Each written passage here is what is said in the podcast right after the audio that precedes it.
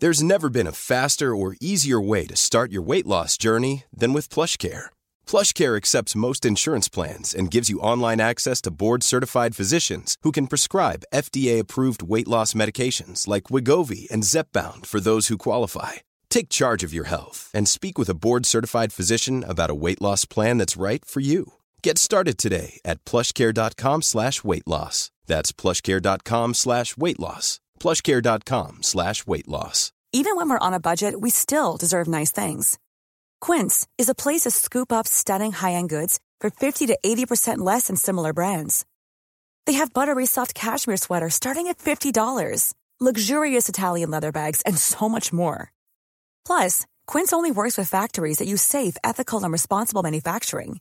Get the high-end goods you'll love without the high price tag with Quince. Go to quince.com slash style for free shipping and 365-day returns. Er det presseetisk forsvarlig av Dagsrevyen å betale artister for å hylle Lillebjørn Nilsen? Og kan aviskommentatorer fritt referere innhold i private samtaler i sine spalter, uten å spørre de som de har hatt samtalen med? Hvorfor vil ikke norske medier ta tydeligere standpunkt når Julian Assange nå risikerer å bli utlevert til USA og dermed få resten av livet i fengsel? Det lurer vi på denne uka her. Og dette blir jo da en slags eh, episode i presseetikkens tegn, dette her, Eva. Ja, det er ikke første gang, det. Nei, og det har jo vært PFU-møte også, Pressens faglige utvalg, der Bamsegutt-saken, som forventa, har blitt felt på flere punkter. Det kommer vi tilbake til. eh, Men eh, hvordan har du det, Svein Tore? Hvordan det? Nei, jeg veit at du var jævlig frustrert eh, litt seint i går kveld og sendte sånn der eh, masse tegn eh, på melding til meg. Ja, altså, du vet, jeg har jo et, har et optimistisk sinn og lyst. Altså, det er veldig sjelden jeg blir veldig sånn Det er sant, nedbrutt. Ja. Men i går kveld så ble jeg nedbrutt. For du mista et par timers arbeid. Ja, altså, og dette kan nok sikkert noen av de som hører på relatere seg til. Altså Den følelsen av at du har sittet intenst og jobbet i, som jeg gjorde, i over to timer. Ja. Skrevet og skrevet og holdt på. Det gjaldt jo da egentlig manuset til en episode Mm. eh, vi skal spille inn, og så forsvinner alt. Ja. Og klokka var elleve, og jeg bare Nei, jeg gidder ikke å stå opp igjen i morgen. Altså, det er Altså, jeg blir Så det er en slags warning her nå. Det blir som det blir. Men så skal det sies, da, og det har kanskje også noen av lytterne prøvd, at når du har mista noe, Ja. så må du starte den lange veien og rekonstruere. ja, men da har du gjort jobben. Ja, så det går egentlig litt Ja. bedre enn og det du noen ganger blir det bedre enn det var òg. Faktisk. Så dette blir topp. Ja. Du, eh, aller først, eh, vi skal starte med, med eh, dette Lillebjørn Nilsen-innslaget på Dagsrevyen. ja. Altså, jeg har en favorittpodkast, eh, må jeg da innrømme, det, for tiden, og det er Tore og Haralds podkast. ja.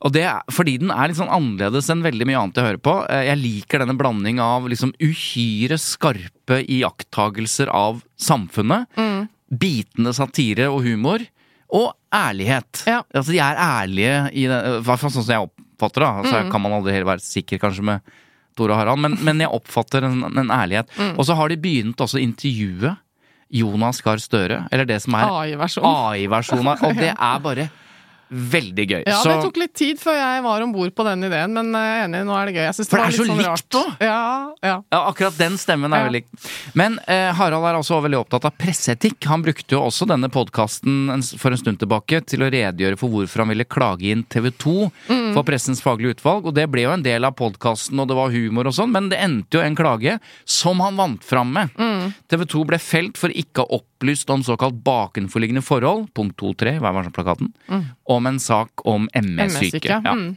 Og så kan jeg jo bare si nå at dette er ikke innholdsmarkedsføring. Vi har ikke fått betalt av Pod... Hva er det? Podme?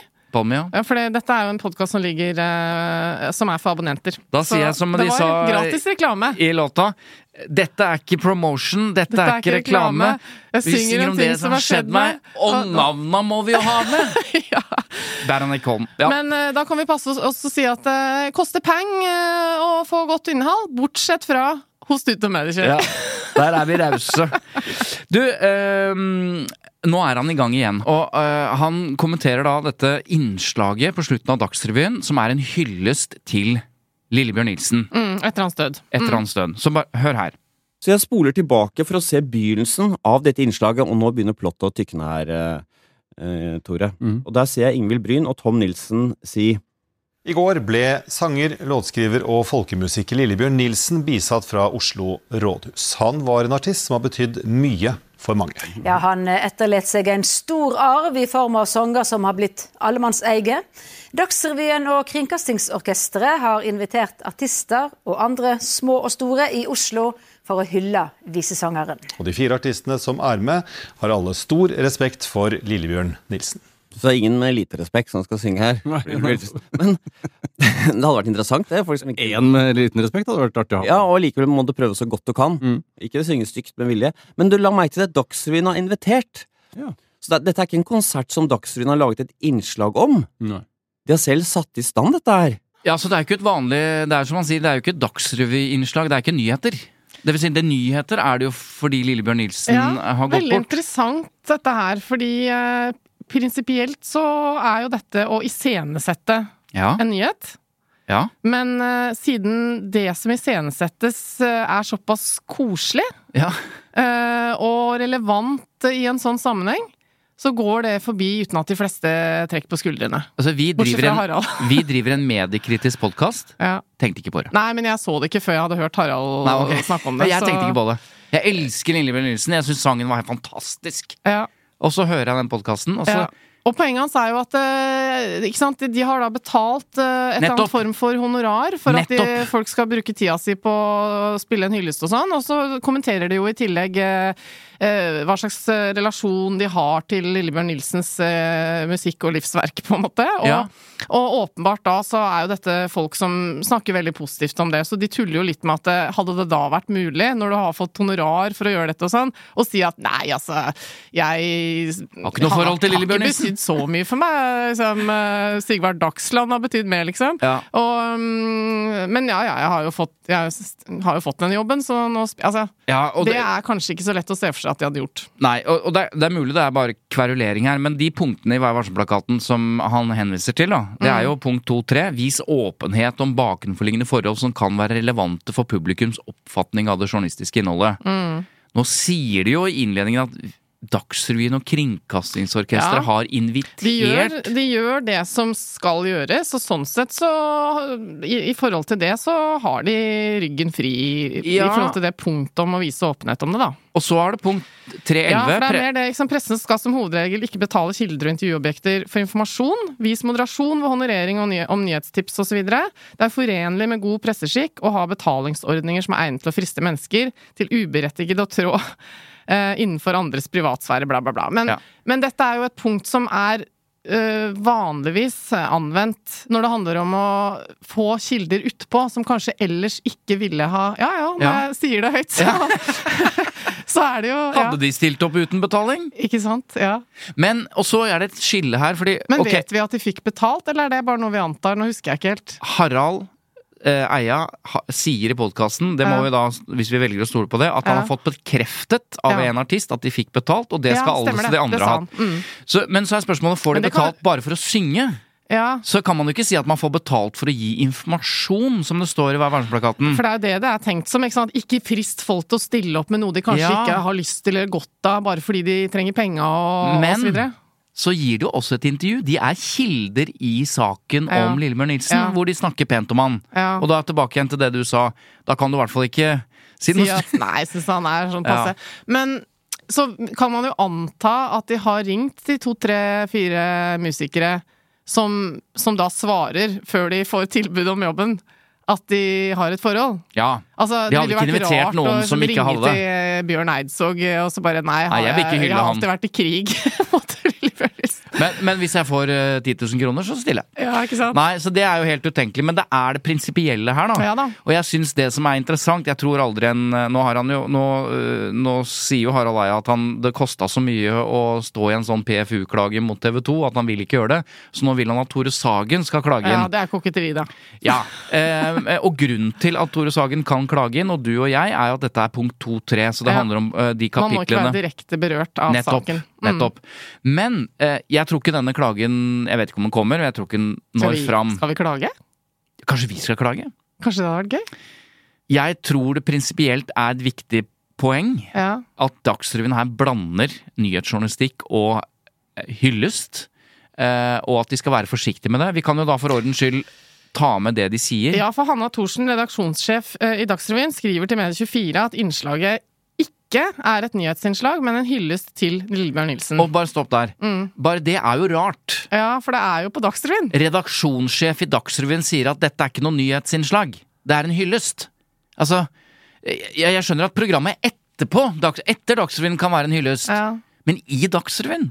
ja, men altså Ja, en nasjonal helt Har du, har gått gang, har du noen gang opplevd det samme? At når en stor eh, person har gått bort, så, går, så er det ikke nyhetsdekningen av sørgende eller av at det er en spontankonsert, men det er Dagsrevyen som arrangerer konserten? Eller, altså, jeg har jo aldri opplevd det. Jeg, aldri, jeg, kan, jeg har ikke noe eh, minne av at dette har skjedd før. Nei, jeg er Så- usikker. Men så sier hun videre Vi gjør seerne oppmerksomme på at det er vi som har invitert artistene i introduksjonen. Det er riktig. Det er hørte riktig. Det stemmer at vi har betalt artistene et standardhonorar for den musikalske jobben de har bidratt med. Det tenker jeg også er greit. Ja, hvis de først skal arrangere noe, så må de betale for det. I tillegg kommer de med en kort kommentar om hva Lillebjørn har betydd for dem. Ja. Eh, Nei. altså, fordi at det, det, nå er det en annen diskusjon som, som jeg er litt opptatt av, uavhengig av dette, og det er at eh, folk driver med ting i livene sine som de må tjene penger på, og ofte når det er folk som er sånn mener ting i alle redaksjoner hele tiden og blir invitert i debattprogrammer eller sånne ekspertkilder og sånn, så er det jo litt mye å forvente av media at eh, man skal bruke tiden sin på det uten å få honorar, og spesielt musikere, da. Så, Sam- så den logikken skal- ja, ja. er liksom ok, du, det er det din jobb, og nå ber vi deg om å spille litt musikk. Vi kan ikke ikke honorere deg for det. Samtidig, hvis Fredrik Solvang inviterer en influenser som er blodkommersiell og tjener masse penger, så, kan de, så, så vil han aldri gi den influenseren honorar for å stille opp i debatten. Nei. Mm. For der kommer 311 inn. Pressen skal som hovedregel ikke betale kilder og Det er sikkert noen som har prøvd seg, ja. Ja da, absolutt, men uh, det er forskjell på å holde et for... Samtidig som de tar på seg en genser uh, når de kommer til debatten, som de etterpå skriver på Instagram at det var kjempedeilig og myk inni og sånn. Men konklusjonen her er veldig morsomt setup og godt sett av Harald Eia. Ja. Jeg tror ikke det er et presseetisk brudd. Men de skal, være, de skal vokte seg. Ja, han var gjest i Mediebobler-podkasten, og da sa han at det ikke var så alvorlig ment, men eh, han eh, skal ha for at han er skarp, da, og lager litt komikk av dette her. Life is full of awesome what ifs, and some not so much, like unexpected medical costs. That's why United Healthcare provides Health Protector Guard fixed indemnity insurance plans to supplement your primary plan and help manage out of pocket costs. Learn more at uh1.com. I'm Sandra, and I'm just the professional your small business was looking for. But you didn't hire me because you didn't use LinkedIn jobs. LinkedIn has professionals you can't find anywhere else, including those who aren't actively looking for a new job but might be open to the perfect role, like me. In a given month, over 70% of LinkedIn users don't visit other leading job sites. So if you're not looking on LinkedIn, you'll miss out on great candidates like Sandra. Start hiring professionals like a professional. Post your free job on linkedin.com/people slash people today. En annen eh, kjent person som er opptatt av presseetikk, Ja, vet du hvem det er? ja det vet jeg. Det er Mats Hansen. Du, altså eh, Det har utviklet seg en presseetisk eh, krangel mellom Nettavisen og Mats Hansen. Hæ? En krangel eh, som Mats Hansen er med i? Det kan jeg ikke Han er ikke noe kranglete. Nei, han er ikke noe kranglefant. Jo da, altså Kort fortalt. Oskar Vestelin, en av de største influenserne, har et eget show på VGTV. Det ble slakta av Nettavisens egen underholdningskommentator i en anmeldelse. Hun heter Maria Ludvigsen. Og så reagerte selvfølgelig Vestelin på dette her, da, så han brukte sine egne medier til å ja, henge ut denne Maria Ludvigsen, vise bilde av det korte håret hennes og kalle henne Martin, tror jeg det var. Ja, Litt sånn sånn idiotisk. Ja, er hun jente eller gutt, ja. eh, liksom? Og det skal også sies at Ludvigsen er lesbisk. Mm. Um, I mellomtiden så har da Mats Hansen, som ikke har noen ting med programmet å gjøre, uh, han har sendt Ludvigsen en privat Instagram-melding. Der han kritiserer nivået på hennes anmeldelse og lurer på hva som er begrunnelsen for hvorfor hun mener dette er så dårlig. Privat Instagram-melding. Ja. Hva er definisjonen på det, da? Ja, det er en melding han, Jo, jo, men altså, jeg bare utfordrer det premisset. altså, han sender direkte til henne. Ja, men hun er kommentator. Hun er kommentator, Ja. men han sender det om han På sender, Instagram. Mm. på Instagram til henne, så bare hun ser det. Så det utvikler seg da en, en eh, spørsmål og svar, eh, og altså de sender meldinger til hverandre. Mm. Uh, og så sier blant annet Mads Hansen at han, han mener jo Vestelins reaksjon på anmeldelsen var liksom barnslig og kritikkverdig, jeg husker ikke ordene, men han tar avstand fra den. Mm. Men så gir han seg ikke på dette eh, spørsmålet om hvorfor hun mener programmet er dårlig. For han mener han, hun skriver ikke noe om det i anmeldelsen. Ah, nei, ok, Så han hun bare liksom- hvor- slakter det, men uten å Jeg begrunne håper folk ikke ser på det, og liksom er tydelig liker ikke dette, men forklarer også ikke hva som er dårlig. Så det er hans poeng. Så Mats Hansen tar uh, Vestelins parti, på et vis? Ja, uten at jeg tror uh, Vestelin er klar over at han er hans eh, ridder. Og han tar jo som sagt avstand fra Og han har, uh, har ikke noe mening om programmet, men han reagerer på at en profesjonell anmelder ikke beskriver hvorfor det er dårlig. Ja, så Han er prinsipiell. Ja. Han er ikke så opptatt av om han selv syns det var bra eller dårlig. Nei, nei. Han bare syns det er irriterende å lese en anmeldelse som ikke begrunner sin slakt. Helt riktig. Ja. Og så vil han ikke ta dette ut, eh, forstår jeg, i liksom bare skrive det offentlig på Instagrammen hennes eller kommentere det. Så han tar det eh, liksom bare med henne og lurer på det. Og det er en, han, det er en hyggelig tone og alt mulig sånn. Så Men hvorfor gjør Mads Mats Hansen dette her? Dette er jo, jeg gjør jo det samme. Ja, Men ofte da med sånn positivt ja, altså jeg skryter For det er vår greie. Ja, men jeg sender av og til meldinger Ja, til folk jeg ikke kjenner og sier fy faen, utrolig bra program eller sånn. Ja. Det er nok ikke så ofte jeg skriver sånn hva faen er det du mener med det her? Nei, det er litt mer Mats Hansens Ja, eh, kanskje. ting. Men, eh, Men det er prinsipielt, da. Ja, grunn, grunnen til at jeg utfordra det der med privat melding, var at uh, vi vet jo også når vi driver med denne podkasten, at uh, det går mye dialog eh, i private kanaler, som du omtaler det, da. På Mm. Instagram, eller kanskje spesielt på Messenger. Når vi avtaler og diskuterer med gjester som skal komme og sånn. Riktig. Så jeg bare legger det også på bordet, at det er lett å være litt sånn usikker på hva som er privat, og hva som er jobb nå, nå Så- til dags. Nettopp! Men så skjer det det overraskende for Mats Hansen. Han får da en melding fra Nettavisen, et tilbud om tilsvar til en ny kommentar av Ludvigsen som han ikke har hørt om og ikke Ja. har lest. Eh, og den, den har det, tittelen 'Dette skjer når du kritiserer Oskar Vestelin'. Og i den kommentaren så refererer hun da til at hun har fått private meldinger fra Hansen, og hun skriver blant annet at Mats Hansen, sitat, kan se ut til å ha en trang til å beskytte Vestelin, sitat slutt, og så, og så skriver hun, sitat, en pågående utspørring av henne, i det hun selv omtaler som en privat samtale med, Ja. med Hansen. Ja. Og så skriver hun også, da, heldigvis så sier Hansen seg enig i at måten Vestelin har hengt meg ut på, er langt over streken. Hva skjer da? Mats Hansen reagerer, skriver et tilsvar til Nettavisen, der han blant annet reagerer veldig på at hun tar en privat samtale ut i offentligheten. Han vet ingenting om det, han har ikke blitt spurt om det, han bare leser om det i Nettavisen og får så tilsvar. Ja. Så dette her reagerer han da på. La oss ta det presseetiske først. Mm. Hva er det vi snakker om i Vær varsom-plakaten i så fall her? Det, det som i hvert fall slår meg, er at punkt 3.3 om premisser er relevant, da. Ja, hva heter den? Hva, hva står det der? Det er god presseskikk å klargjøre premissene i kontakten med kilder. Hvis det inngås avtale om sitatsjekk, bør det gjøres klart hva avtalen omfatter osv. Redaksjonen selv avgjør hva som endelig publiseres. Ja, Den første setningen er det er god presseskikk å klargjøre premissene i kontakten med kilder. Altså ikke bare foran et intervju. Den har blitt utviklet, dette punktet her. så Det handler om når du snakker med en journalist eller en kommentator eller en redaktør eller hva det måtte være, så skal premissene for den kontakten klargjøres. Ja. Så la oss se for oss da hvordan dette eventuelt kunne vært gjort annerledes. Det foregår en eh, pingpong att og fram eh, på Instagram mellom disse to. Så kunne jo Ludvigsen da ha sagt eh, nå syns jeg du maser fælt her, du gir deg ikke, jeg har ikke noe behov for å svare til deg. Og Du jeg er en kommer offentlig person. til å Mm. nevne eh, i min neste kommentar at du driver og spammer meg med, med kritiske spørsmål på Instagram. Ja, og så kan man jo da si at Så kan Mats Hansen si at ja, men det kan du ikke gjøre. Du kan ikke bare ta en privat samtale ut i offentligheten. Jo, fordi jeg oppfatter at du har eh, At du går i forsvar. Du er en VG-profil, han er en VG-profil. Det virker som et press på meg, Ja. kan hun si da. Og det Ja. mener jeg offentligheten har krav på å vite. At det drives en slags sånn forsvar av Vestelin. Det har, det har allmennheten grunn til å vite. Ja, nå sier jo hun selv at det er en privat samtale, men ellers så kunne hun jo også skrevet at ja, men jeg oppfatter dette som en uh, dialog med meg som kommentator i Nettavisen. Ja.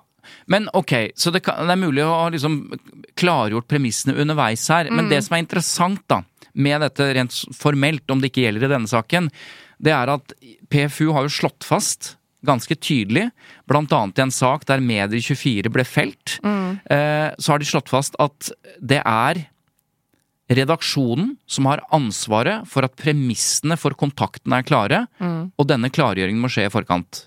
Mm. Men nå er det jo ikke journalisten som henvender seg til Hansen. Det er jo ofte der Ja. eh, feilen begås, når journalister henvender seg til et intervjuobjekt og ikke klargjør om det er en bakgrunnssamtale, om det er rett på et intervju, eller eh, hvis, Ja. eh, hvis, eh, hvis liksom kilden tenker at dette her, nå er jeg kilde, så her er det, nå må jeg liksom kunne snakke uten at dette blir Ikke sant? Ja, for det, det, det du refererte nå, var en sak hvor eh, redaktøren fikk en henvendelse fra en person som hadde informasjon.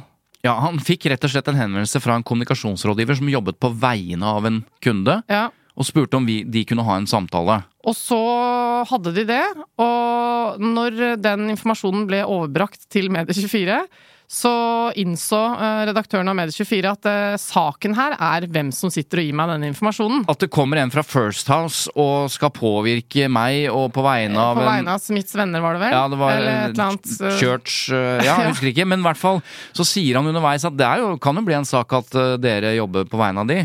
Og så sier kilden at ja, men Det var ikke premisset. Nei. Og da sier PFU at det er journalisten, redaktøren, som Mm. har ansvaret for å klargjøre premissene. Mm. Og kilden oppfattet helt tydelig at dette var en bakgrunnssamtale, at ikke det handlet om han. Mm. Eh, og sånn må jo Og da slår PFU fast ikke sant, at det er heller ikke slik at redaksjonens ansvar oppheves om det er kilden som henvender seg til redaksjonen, Mm. eller om kilden er medievant eller betalt av en oppdragsgiver. Når premissene er klargjort, er dette å anse som en bindende avtale mellom redaksjonen og kilden. Redaksjonen må derfor passe på at det ikke inngås avtaler som senere kan hindre å publisere informasjonen. Men det betyr, har du en bakgrunnssamtale, kan ikke du endre den underveis. Nei.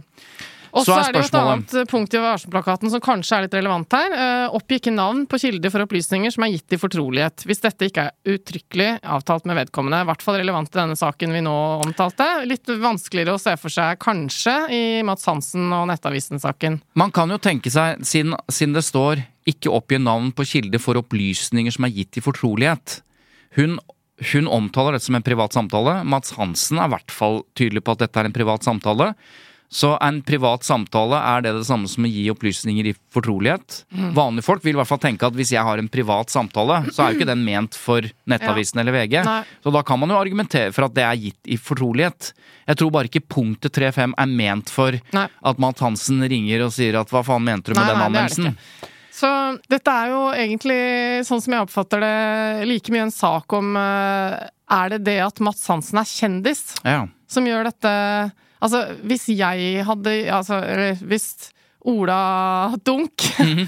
hadde sendt disse meldingene, hadde hun da navngitt Ola Dunk? Det er interessant, fordi, pre fordi Pressens faglige utvalg har jo blitt mer nøye på liksom medievante kilder og Ja. uerfarne kilder. Du trenger ikke å fortelle Erna Solberg at nå er det et intervju. Det skjønner hun. Mm. Men du må kanskje være tydeligere på folk som ikke har vært. Ja. Men Og vi er jo ganske nøye vanligvis eh, med å gi rådet til folk som ikke er veldig medievante, om at eh, hvis ikke journalisten er veldig tydelig på premissene, så ta heller på deg den jobben sjøl og sørg for å tydeliggjøre dem så du har oversikt. Selv om det er mediets ansvar å Men- klargjøre premissene. Men kan man snu på det her? Fordi at Mats Hansen er veldig medievant.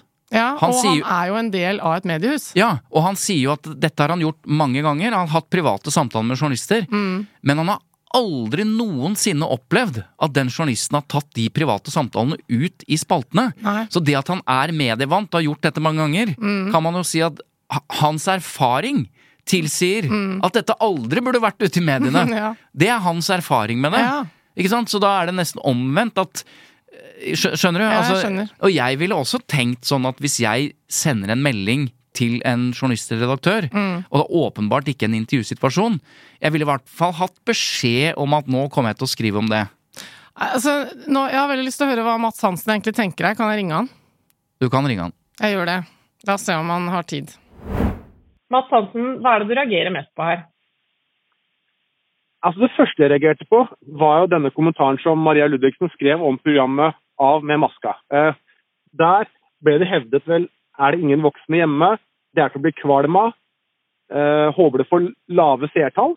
Eh, men det sto ingenting om hva hun mente var faktisk kritikkverdig med programmet. Jeg tror heller ikke at hun hadde sett programmet ennå. Så det stussa jeg på, og da sendte jeg en melding, innboksmelding, privat melding på Instagram, som jeg ofte gjør når jeg eh, Hvis, jeg, hvis er noe jeg mener med saken, sak, enten positivt eller negativt. Eh, og det, da hadde vi en dialog der. Jeg oppfatta ikke at hun ville svare på det. Hun bare viste til kommentaren sin. Eh, og ville egentlig ikke svare på hva hun mente var kritikkverdig med selve programmet. Eh, og det er på en måte fair enough, da. Eh, så fikk jeg, sitter jeg her en tirsdag kveld og får plutselig en SMS fra vaktsjefen i Nettavisen med link til en kommentar, og får vite at jeg har tilsvar. Så det er egentlig to ting jeg reagerer på. Én, at ting fra en privat samtale blir henta ut i en kommentar i Nettavisen. To, at det hun gjengir er upresist, eventuelt feil. Hva er din erfaring med dette ellers? Sende sånne meldinger? Ja, dette gjør jeg jo rett som det er. Noen ganger bare for å gi en tommel opp på noe jeg syns er bra skrevet. Eller hvis jeg er uenig i noe, eller kan være enig med noe, diskutere videre. Dette har jeg gjort uh, mange ganger. Uh, og det vil jeg tro at jeg ikke er uh, alene om. Og det var på en måte greit. Og det var ikke noe sånn det var, Her var det helt saklig og konstruktivt, bare så det er sagt. Uh, og so far so good. Uh, men så får jeg plutselig en SMS fra vaktsjefen her en tirsdag kveld, uh, vaktsjefen fra Nettavisen, om eh, at jeg har tilsvar med en link til en kommentar. Og da stussa jeg litt, og da leste jeg den, og det det jeg aldri hørt Altså, da tar jo plutselig hun opp disse, denne private samtalen vi hadde, i en ny kommentar. Eh, og hun antyder litt sånn stygt, for hun skriver jo hva hun skriver da? Når man eh, kritiserer eller omtaler noen, så er man vant til at det blir en debatt, eller at man mottar saklig kritikk. Men det er ikke tilfellet når man kritiserer VG-ansatte. Da legger hun også der antyder om at det, dette var ikke saklig kritikk hun fikk av meg. For da skriver hun at jeg da tydeligvis måtte eh, trå til for å forsvare Oscar, som også er rart. For jeg skriver til henne der helt eksplisitt jeg er enig at Oscar gikk over grensen. Uh, dette handler ikke om Oscar. Uh, og så skriver hun videre om at jeg har vært pågående. Så det er jo to ting her. Det ene er jo at eh, hun tar opp en innholdet fra en privat samtale som er helt åpenbart privat. Og det andre er at hun gjelder den jo ikke korrekt. Hun gjelder den direkte feilaktig. Uh, så det er jo to ting jeg stusser på her. Det er jo Jeg i hvert fall er jo vant til etter hvert at det har ganske, ganske tydelig Det klargjøres ganske tydelig når noe er et intervju ikke. Eh, og dette er jo helt åpenbart en privat samtale som eh, jeg, Det er for første gang jeg har opplevd, stussa veldig på at det ble henta ut som et argument. Det ble antydet at jeg var usaklig, eh, og at jeg var pågående. Eh, som er veldig rart. Spesielt når hennes andre kommentar, hvor dette sto, handler om at eh, hun tåler saklig kritikk. Eh, som da hun åpenbart da tydeligvis ikke gjorde, da. Mm. Har du snakket med redaktøren i Nettavisen om det her? Ja, jeg sendte eh, Gunnar Stavrum en mail fordi jeg kjenner jo ikke presseetikken, altså hva som er lov rent presseetisk. Da. Altså, jeg syns jo det er ikke innafor, og jeg vil jo Jeg syns det er rart hvis det skulle være lov, det hun gjorde.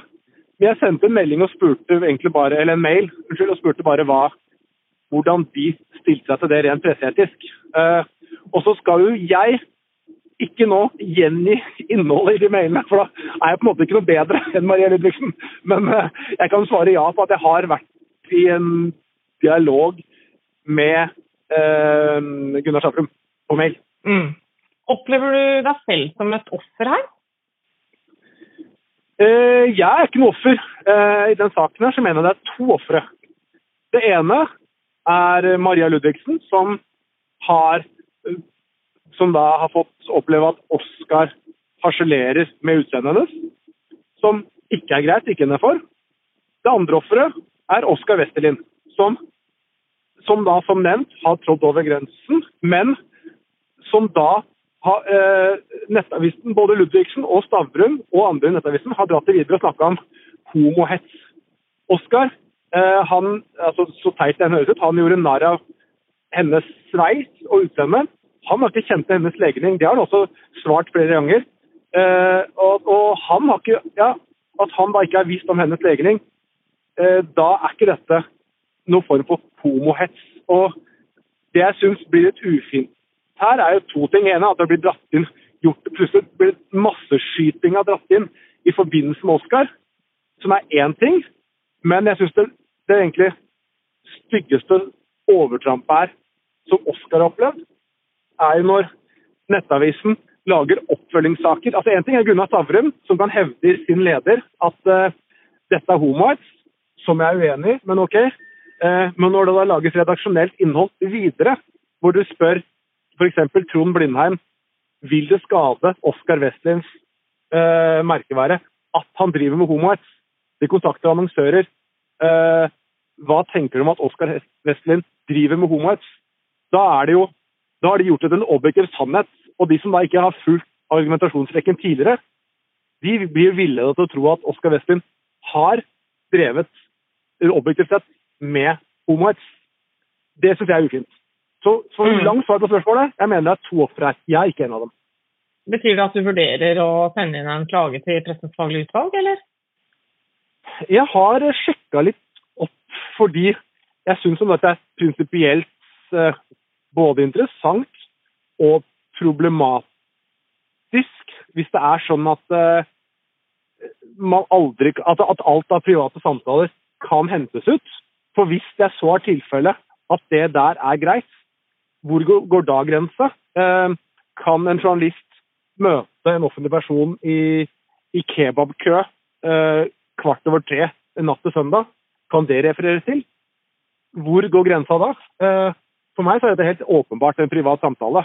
Og jeg har opplevd som klare skiller. Så, så, jeg er mer sånn nysgjerrig på hvor grensa går. Og så må jeg innrømme, uten at jeg skal referere for mye til denne eh, mailen med Gunnar Stavrum, så kan jeg vel røpe at han hadde et ganske bastant annet syn på dette.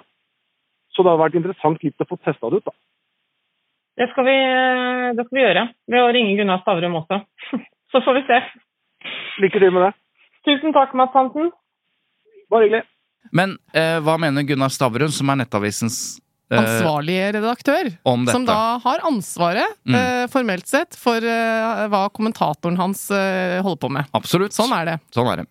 Gunnar Stavrum, ansvarlig redaktør i Nettavisen. Mats Hansen reagerer altså voldsomt på noe han aldri har opplevd før, nemlig at private samtaler eh, kommer ut i offentligheten uten at han vet det, og han mener at dette er presseetisk problematisk. Hva tenker du? Jeg tenker at Mats Hansen tar grunnleggende feil. Det er ingen krav om at en kommentator må spørre eh, Mats Hansen eller andre om å bruke ting i en kommentar. Eh, for det første så var det ikke en privat samtale. Det er altså en profilert VG-TV-person eh, som stiller spørsmål om en anmeldelse som, eh, som vår journalist gjorde av et VGTV-program. Så i, i, seg selv er ikke samtalen privat. Eh, men hadde den vært privat, eller, så måtte han jo på en måte først avklart at det var en privat samtale. Så jeg mener at han tar grunnleggende feil. Du sier at det ikke er en eh, privat samtale, men din kommentator skriver jo i sin eh, kommentar at Hansen ønsket at hun skulle utdype kommentaren i en personlig melding på Instagram, og så skriver hun hva som var poenget med å utdype kritikken i en privat samtale, kan jeg bare spekulere i. Så jeg oppfatter at hun omtaler dette også som en privat samtale, slik Matt Hansen oppfatter det. Da mener jeg at Mats Hansen tar feil, for jeg oppfatter at hun viser til at Mats Hansen ønsker at de skal ha en privat utveksling på Instagram, men at hun ikke forstår poenget med en slik privat eh, meningsutveksling. Så hun ønsker ikke nettopp å gå inn i en slik privat eh, samtale. Og står også følgelig eh, fritt til å bruke den, etter mitt syn. Det er sånn, eh, Hvis Erna Solberg hadde ringt meg, ringt meg, og sagt at hun er veldig sint på Nettavisen, og jeg ønsker å bruke det i en kommentar, så trenger, trenger jeg Erna Solbergs tillatelse til å bruke en sånn samtale. På samme måte som at hadde Mats Hansen sendt meg mailer eller gjort som han gjorde dette til å tatt kontakt med meg på Instagram og stilt spørsmål om noe skrevet i Nettavisen, og jeg ville bruke en kommentar, så hadde jeg brukt det uten å spurt eh, Mats Hansen om det. Og da er begrunnelsen din rundt Mats Hansen eh, at han er en profil, eller at han er en pressemann?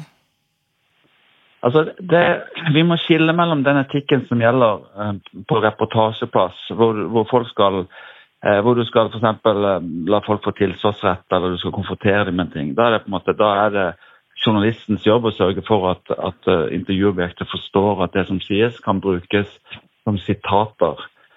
Når du som så bruker du på en måte egne erfaringer og opplevelser. Um, til å, til, å, til å begrunne kommentaren din. Og da er det en helt, annen, helt andre spilleregler som gjelder. Og eh, Hadde Mats Hansen vært Mats Hansen, personen ingen hadde hørt noe om, så hadde jeg vært tilbakeholdende med å bruke den, for du mente det hadde ikke hatt offentlig interesse. Men her er det jo på en måte en, en profilert VGTV-person som spør om ting som gjelder VGTV. så Mm. Eh, personlig så mener jeg at verken Mats Hansen eller eh, noen andre har rett i at det er en privat samtale. Men det er jo god presseskikk å klargjøre premissene i kontakten med kilder. Ikke bare før et intervju med en reportasje, men en kommentator er bundet, som deg, av Vær varsom-plakaten, eh, av de samme punktene. Og der står det at man skal gjøre, klargjøre premissene i kontakten med kilder. Og den kontakten kan både være på Instagram, og det kan være face to face. Og så har PFU slått fast at det ansvaret for å, for å klargjøre de premissene, det ligger ene og alene hos journalisten, redaktøren, kommentatoren osv. Eh, Gjelder det annen presseskikk for kommentatorer, som du antyder, enn for journalister?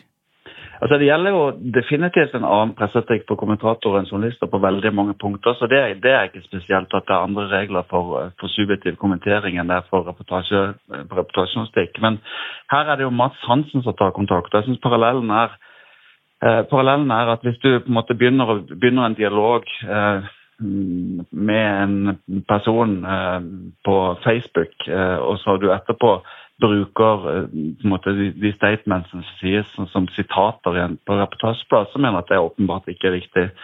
Mm. Men på samme måte så mener jeg at hvis jeg som kommentator ønsker å bruke erfaringer jeg har gjort meg i, som grunnlag for å skrive en kommentar, så gjør jeg det. Det gjør jeg daglig. Har aldri blitt felt for det. Mm. Eh, til slutt, eh, Gunnar Stavre, man kan jo si at politiske politiske Dette er en underholdningskommentator som får en henvendelse fra en underholdningsprofil. Men hvis en politisk kommentator jobber på den måten som de gjør, altså snakker med mange mennesker under hånden for å finne ut av om hvordan det politiske spillet foregår, eller hva det måtte være, Eh, de, i hvert fall de politiske kommentatorene jeg kjenner, de er knalltydelige på når de er, eh, snakker bakgrunn, og når de bruker eh, informasjon og til og med navngir ting de har vært utsatt for i sine samtaler med politikere på Stortinget. Jeg ser jo for meg at hvis politiske kommentatorer uten å si fra at de bruker ting som er sagt i det som oppfattes i hvert fall av kommentatoren som en privat samtale, og setter det på trykk, så har det, det har vært litt problematisk i en sånn sammenheng. Ser du ikke for deg det? Jo da, og det, det jeg ikke heller gjort. Så hvis du sitter og har fortrolige samtaler med folk, så har du også på en måte en kildebeskyttelse og en grunn til at, at du ikke bringer det videre. Men det er ikke det som er tilfellet her. Her er tilfellet at Mats Hansen, i kraft av å være en VGTV-profil, eh, stiller spørsmål til en anmelder om et VGTV-program, eh, riktignok på, på Instagram. Og da er det klart at hvis hun eh, vil fortelle det hun opplever som rent trakassering etter at en anmeldelse. hvor Det første den, en VGTV gjorde, var på en måte å drive med direkte homohets og trakassering. Og etterpå så ble det fulgt opp på denne måten. Det mener at hun er i sin fulle rett å gjøre. Og jeg synes det Fokuset blir veldig rart. Det er jo ikke sånn at Mats Hansen eller Oskar Vestelin, som er programleder her, er ofrene. Den som er offeret her, er jo på en måte en vanlig eh, journalist som anmelder TV-program, eh, som er skeiv, og som etterpå blir uttenkt og latterliggjort fordi at hun ser litt guttete ut og heter Maria og ikke Martin, som de kaller henne. Så mm. feilfokus om man ønsker å ta en offerrolle man ikke fortjener, er mitt syn. Mm. Mm. Uh, Mats Hansen lefler jo litt med å klage denne hendelsen inn til PFU. Uh, hva tenker du da? Det er i hans fulle rett. Uh, jeg tenker at Det er jo litt tåpelig at presseorganene kaller inn, kaller, klager hverandre inn til, til PFU. Men jeg tror på en måte Hvis vi hadde ønsket å gå og svare med samme mynt og sett med sånne reelle ofre, så tror jeg på en måte vår journalist kunne klagd inn eh, Mats Hanssons eh, VGTV-kollega for både brudd på straffelovens paragraf om, om eh, hatefulle ytringer mot folk med alternative kjønnsuttrykk, eh, og også uh, ja, så jeg, jeg, tror ikke egentlig vi trenger en sånn kappløp med hvem som skal gå til, til rettssaker eller til PFU i denne saken. Helt, helt, til slutt, eh, Gunnar. Eh, det skal kanskje sies at, eh, at Mats Hansen er tydelig på at han ikke har noe sansen for det Oskar Vestelin gjør, og, og får kreditt for det av din kommentator. Kunne, denne, kunne, dette vært løst ved at din kommentator i den private samtalen som hun sier at det er, hadde sagt at jeg opplever dette som interessant for offentligheten, så jeg kommer til å nevne at du har tatt kontakt i min neste kommentar. At hun hadde redegjort for det i den samtalen. Hadde det vært realt og, og greit å gjøre? Ja, det aller mest reale som hadde vært greit å gjøre, var at uh, verken Mats Hansen eller Oskar Vestelin eh, forsøker å gjøre eh, anmelderen og vår journalist til, til skurken her, og de selv til ofre. Altså, her, er det, her er det faktisk en, en programleder i, i VGTV og en VGTV-profil som først begynner med direkte homohets, og etterpå ganske halvhjerta i sine beklagelser. Eh, og det er det som er den store feilen i saken, ikke at, eh, at, vår, eh, at vår kommentator forteller hva hun opplevde etterpå. Takk skal du ha, Gunnar. Bare hyggelig. Det som blir tydelig her, er at hvert fall ansvarlig redaktør skiller veldig mellom hvem som tar kontakt. Ikke bare at det er en profil og en VGTV som på sett og vis kan, kan Eller kan Det kan antydes at, at de jobber sammen om dette. Mm. Men det er forskjell på når en journalist tar kontakt privat på Messenger eller SMS eller Instagram, og når kilden tar kontakt selv.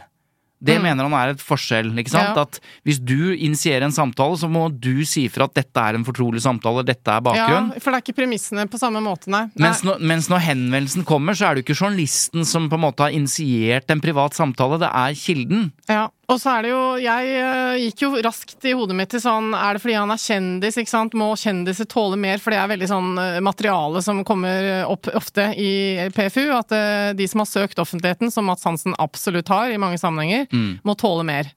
Uh, og det er kanskje litt det han føler på, at det er fordi det er meg, og ikke Ola Dumta. da. Men, Men, så er det jo, som Gunnar sier, eh, nettopp fordi det er han, ja. at det er interessant. Og, og det fordi kan det er mer kraft i hans kritikk. Det kan argumenteres både at eh, kommentatorer har et friere rom i, sine, ja. i sin presseetikk, altså, men det går jo primært på meninger og hva de kan tillate seg på trykk. ikke sant? Det handler ikke så mye om arbeidsprosessene, at de skal være så mye annerledes, mener jeg da. Men eh, det er jo verdt å merke seg at når PFU slo fast dette eneansvaret for å redegjøre premisser, så skyldtes det en sak hvor nettopp det var en kilde som henvendte seg til Medie24. Det var ikke Medie24 som henvendte seg til kilden. Mm, det, er sant. Det, er, det var de som sa 'kan vi komme hit'? Ja. På en annen side men det er litt Det er ikke så lett å sammenligne de to Nei, sakene det. Det. det er ikke det. Men det er i hvert fall interessant. Ja. Det kan få den konsekvens at eh, hvis denne blir opplyst, så vil kanskje noen være litt mer reserverte før de tar kontakt med en journalist eh, og en redaktør for å si sin hjertens mm. mening. Mm. Fordi de kan risikere at dette kommer på trykk. Ja.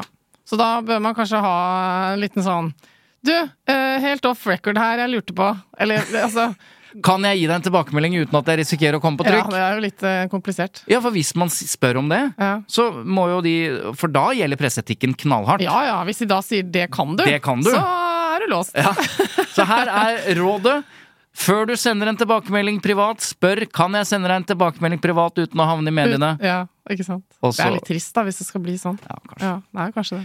Men noe som er behandlet i Pressens faglige utvalg denne uka, og som det er ingen overraskelse at det ble en fellelse, fordi mm. NRK i Bamsegutt-saken har innrømmet at de har brutt Vær varsom-plakaten, ja. det er da ja, Bamsegutt-saken. Det hjelper ikke i forhold til en PFU-klage. Det kan være en formildende omstendighet at du i forkant har innrømmet noen presseetiske brudd, men de presseetiske bruddene er allikevel eh, skjedd. Mm. Så det er fullt mulig liksom, For det er ikke sånn at uh, avisen driter seg ut, sender deg en melding og sier beklager. Mm. Eh, to uker etterpå gjør et eller annet rettelse, og så da har du liksom Da ja. har de redda seg ut av PFU. Det, sånn er det ikke. Men en, det kan være en minnelig ordning, ja. eh, som det heter. At man innrømmer feil og blir enig på bakrommet. Men her, dette var en prinsipiell viktig sak også, ja. og det var Elin Floberghagen som er eh, sjef for Presseforbundet, som også eh, presenterte denne saken for PFU. Eh, og jeg vet ikke hvor ofte det skjer. Er det ikke vanligvis bare en rådgiver eller sekretariatet som presenterer eh, saker?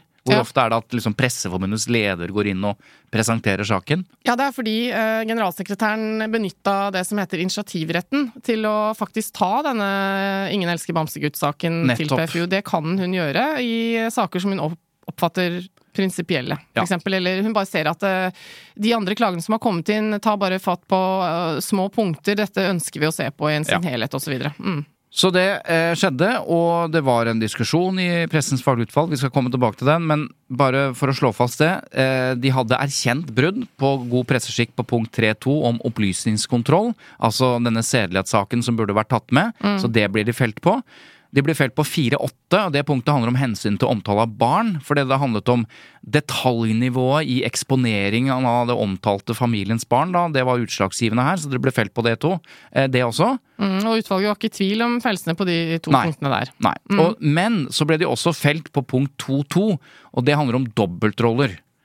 Mm. At det- Tore Strømøy var både journalist og hjelper eh, Ja. til familien. Og det var det en del eh, diskusjon eh, på, men, men eh, som det står, ikke sant, han gjennomførte både kritiske intervjuer, og samtidig så, så, så, så var han partshjelper, og da konkluderer PFU med at han fikk en, en dobbeltrolle som kan svekke publikums tillit til publiseringens troverdighet. Mm. Og Nettavisens Erik Stefansen mener NRK slapp for billig unna. Trass ganske knusende fellelse, egentlig. Ja, og det handler jo litt om at det burde vært Altså, Han kritiserer jo egentlig PFU og, og Presseforbundet til å liksom begrense dette til bare å handle om disse punktene, og mener at det var mange andre ting som burde vært tatt opp her, da. Ja, det er Eh, jo litt rart når eh, det var Elin som eh, Altså Floberghagen, eh, generalsekretæren, som klaget. Men de kunne utvidet dette. Eh, husk på at VG etter Bav Ulkan-saken ble felt på enda flere punkter. For eh, Stefansen peker på at én, bamsegutt ikke levde i fattigdom. eh, To, at familien ikke bodde i en slum. Og tre, at ingen snakket med bamsegutts filippinske kone. Det hevder i hvert fall Nettavisen, og sammen med Aftenposten har de drevet ganske sånn kritisk journalistikk i etterkant av at det var mange ting i denne som ikke var eh, Eller som var feil, da. Og så driver jo eh, parallelt med denne PFU-prosessen NRK sin egen interne gjennomgang. Eh, evalueringen anslås da å være klar til påske, så det blir spennende. Og det er jo en sånn evaluering som mediene har en tendens til å gjøre. De gjør det etter store sakskompleks ofte. Ja, hva skal de lære. Også, skal lære. Gjorde vi noe feil da vi dekket eh, Baneheia-saken og, osv. så Mm. Men det som var interessant i behandlingen, var at det var masse skryt allikevel. Ja. Til uh, denne Altså intensjonene og Mm. Tore Strømøys prosjekt om å løfte opp den lille mannen, og de hadde veldig behov for å si at dette er i kjernen av pressens oppgave, osv. Eh, og da mente Så det ble altså mye skryt eh, til prosjektet, Mm. men du må allikevel følge Vær varsom-plakaten. Så det var konklusjonen på Bamsegutt-saken eh, så Får vi langt. se om NRK konkluderer med noe helt annet. Det hadde i så fall vært veldig morsomt. Ja, det hadde vært rart. Ja. Men, det, Men det kan hende at det er litt andre ting som er fokuset der, da. Hva, hvilke konsekvenser det skal få internt i NRK osv. Mm. Kanskje. Men Svein Tore, Ja. Det er en annen sak som er aktuell nå, og det er Julian Assange-saken. Ja. Og det er jo en litt komplisert sak. Det er sikkert mange som har glemt alle detaljene. Man blander det litt med Snowden, kanskje, osv. Ja. Men det er jo, kort oppsummert, så er det en sak om en varsler som er i ferd med å få livstidsdom etter terrorloven i USA, faktisk. Ja. Um, Dette er jo grunnleggeren av Wikileaks, bare så det er eh, Ja. liksom sagt. ikke sant? Han er redaktør og journalist, i hvert fall omtaler seg selv som det, og, og, og kom med disse vanvittige mengdene med hemmeligstempelt materiale som han lekket i 2010. Og så er spørsmålet, uh, syns jeg, litt interessant. Eh, hadde dette skjedd hvis helt tilsvarende situasjon eh, handlet om Russland eller Kina? Mm. At eh, noen ønsker eh, en varsler slash eh, journalistredaktør utlevert til seg fordi de har avslørt noe om krigføringen deres. Eller hvis Julian Assange het noe annet og var redaktør for The Guardian, Ja, for eksempel. godt poeng. Ja. Fordi han var redaktør for Wikileaks. Riktig. Så noe av diskusjonen er jo er han journalist og redaktør, eller sier han bare det? Er han bare en fyr som har publisert masse som han aldri egentlig burde publisert, og det ligger ikke noen redaktør, på en måte beslutning bak det? Nei, for at han omtales jo også som en varsler, men han er jo egentlig bare et mellomledd. ikke sant? Han varsler ikke om egenopplevde ting, han har fått tilgang på informasjon. Så sånn sett så er han jo en typisk eh, journalist eh, slash redaktør som får uh, hemmelighetsstemplet uh, informasjon, og Ja. videreformidler det. Så men, og han har jo blitt flytta rundt omkring. altså han har jo, USA har jo villet ha tak i han fra, fra Ja, dag La oss bare ta fakta for de som ikke husker det. I 2010 så avslørte da Assange store mengder hemmelighetsstemplet materiale som omhandlet bl.a. USAs krigføring i Irak og Afghanistan. Ja. Eh, Og han sitter nå fengslet i høysikkerhetsfengsel i London, og før det så levde han i eksil i den ekvadorianske ambassaden i mange år. Han var innom Sverige òg. Ja, Han hadde en sak der, det kommer vi tilbake til. Eh, og USA anklager han da for eh, spionasje på 13 punkter, og han kan bli dømt til 175 års fengsel. Ja, og, og det, det skjer akkurat nå at eh, altså, nå, hvis han nå ikke anker og får den anken gjennom, så, så blir han utlevert til, USA. Eh, og han satte mange informanter i fare da han offentliggjorde store mengder med denne hemmelige informasjonen. da, uh, Amerikanske dokumenter. Det er jo litt av USAs uh, advokater sitt poeng. Mm. Mm. Men spørsmålet eh, lytteren eh, stiller til oss, for vi har fått et lyttespørsmål Fra eh, Mikkel, mm. fra Mikkel om dette, og de grunnleggende spørsmål, det, er, det handler nettopp om liksom, hva taler for og mot at Assange bør anses som en journalist mm. eh, som har avslørt alvorlige forbrytelser, krigsforbrytelser, og da må beskyttes mot forfølgelse. Og spørsmål begår norsk presse en unnlatelsessynd i dekningen av saken? Ja, For det, synes er jo litt lite interessant. saken. det er. Lite dekning, ja. Eh, Det er noen som har engasjert seg, men det er ikke mye å lese om dette. Og, og så spør han også om norsk presses dekning da, og eventuelt manglende kritisk journalistikk mot norske myndigheter, som også er ganske tyste på dette området. Eh, om dette er presseetisk problematisk. Fordi, og det er et veldig godt spørsmål, for hvis dette hadde vært en redaktør i Dagbladet, eller i, som jeg sier i The Guardian, så vet vi at eh, journaliststanden hadde vært veldig tydelig. Dette er helt hårreisende. Det mener jo f.eks. Erling Borgen, mangeårig journalist og dokumentarist i NRK, som har gått veldig inn i denne saken. Ja, mener at nå det gjør han det litt på vegne av Norsk Penn, som han eh, er en del av. Nettopp. Mhm. For Norsk Penn, kan du ikke bare forklare Det er da Norsk Penn er en ideell og uavhengig medlemsorganisasjon som jobber for ytringsfrihet. Ja, det er veldig ikke en stor presseorganisasjon? eh, Nei, det er en veldig stor internasjonal organisasjon som har en norsk uh, gren, da. Jeg er medlem.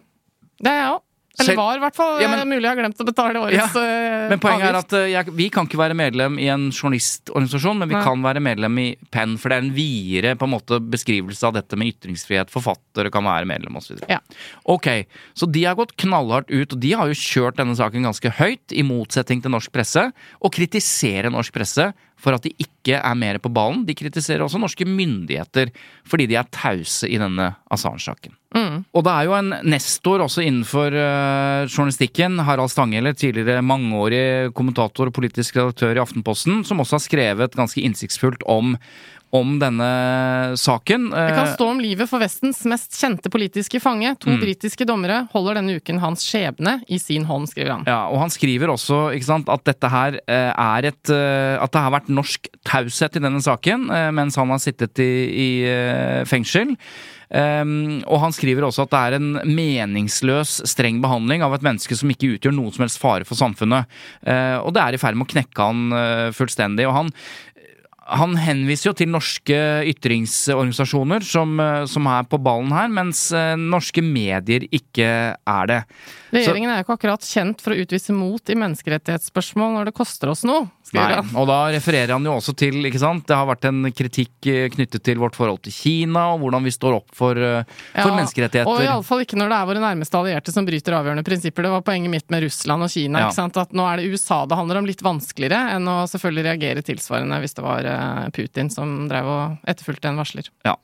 Så ehm, jeg deler Norsk Penn og Penn, og for så vidt eh, analysene til Stanghelle her, om at jeg, jeg vil i hvert fall stille spørsmålet hvorfor ikke norske medier dekker denne saken. Det er mulig det er urettferdig, og vi kan ikke dra alle over en kam, som det heter. Men det er nå engang sånn at mange har etterlyst en eh, tydeligere stemme, både fra pressen og fra norske myndigheter. Eh, og nå er han i ferd med å Ja. eh, tape denne kampen. Og det som er eh, litt poeng her, tror jeg, er at Julian Assange er ikke noen Messias-skikkelse. ikke sant? Han har stått i retten i, i Sverige eh, anklaget for Hva var det? Der var noe sånn metoo-relatert? Ja, det var noe metoo-greier. Eh, og han kunne sikkert gjort mange ting annerledes, men det prinsipielle her står jo fortsatt eh, ved lag. Han har lekket opplysninger og blir tiltalt som en terrorist. Ja, og det interessante spørsmålet som vi nå ikke har noe svar på, vi bare tar opp dette, er jo om, eh, om pressens unnlatelsessynd, da, hvis man kan kalle det det, er litt drevet av dette at eh, man føler at det er litt sånn rotete, det imaget til eh, Julian Assange. Han, mange som mener at han gjør dette for sin egen fame osv. når det skjer, så ja, det er vanskelig.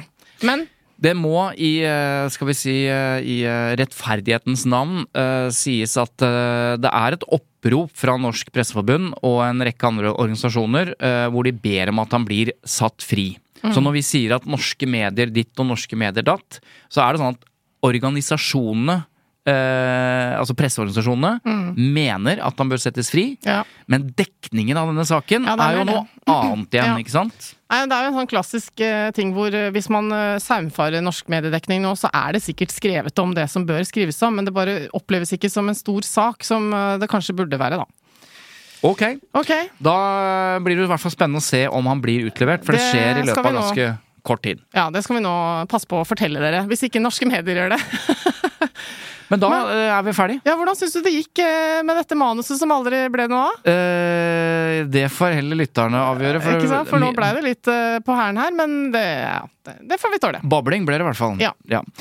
Lyd i produksjoner produserer bablinga, og Eva Sandum står for i hvert fall halvparten. Ja, litt under halvparten, vil jeg si.